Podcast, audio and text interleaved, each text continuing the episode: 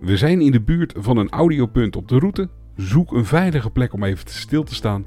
En dan begint ons verhaal over 10 tot 15 seconden.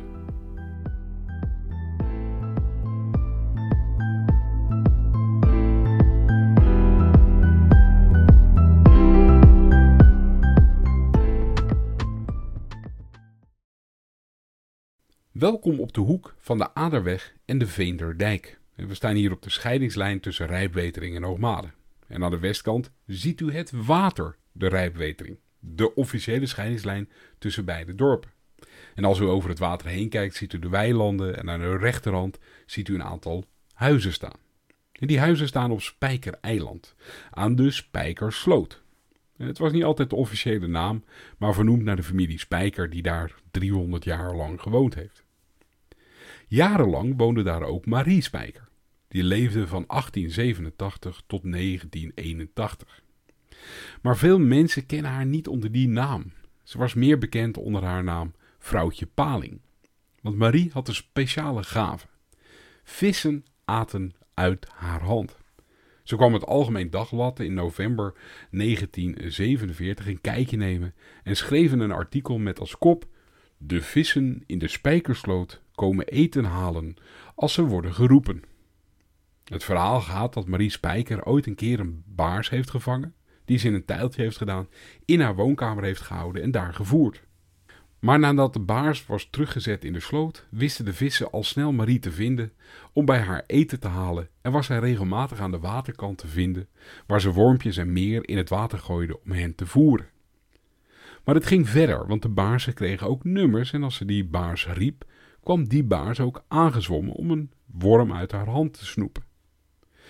Een andere vertelling is dat Marie in 1935 geknield zat op de stoep van het boenhok. En ze keek naar de sloot waar de baars haar belangstelling trok. Ze wierp de baars een worm toe en sinds die dag kwam die steeds terug om één of meerdere wormen in ontvangst te nemen. En niet alleen baarsen, maar ook palingen luisterden naar haar lokroep en lieten het toe om uit het water gehaald te worden, geaaid te worden en teruggezet waarna ze gelijk terugkwamen zwemmen om opnieuw een worm in ontvangst te nemen als beloning om uit het water getild te worden. En ook de Schakel, het nieuwsblad van uh, Rijnsreek, schreef erover. Zij vertelde dat Marie aan de slootkant stond en dan baarsje, baarsje, baarsje riep. En dan kwam er voorzichtig, omdat er een vreemde journalist bij was, een baars aangezwommen. Die kwam uit het water om een worm in ontvangst te nemen. En we lezen ook verder. Nadat de baars was weggezwommen, riep de vrouw: Palinkie, palinkie, palinkie. En zie daar, de grote, dikke paling kwam aangezwommen, wien ze eveneens op zijn beurt een worm even boven het water werd toebedeeld, door de vis eveneens als door den baas uit de vingers van de vrouw getrokken.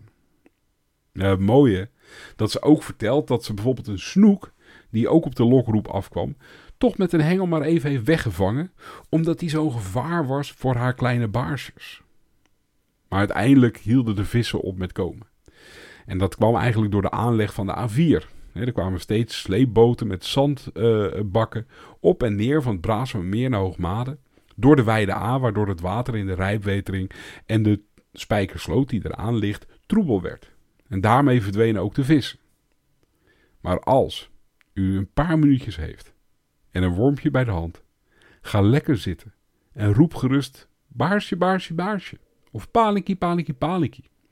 En misschien verwarren de vissen u met de echte vrouwtje paling.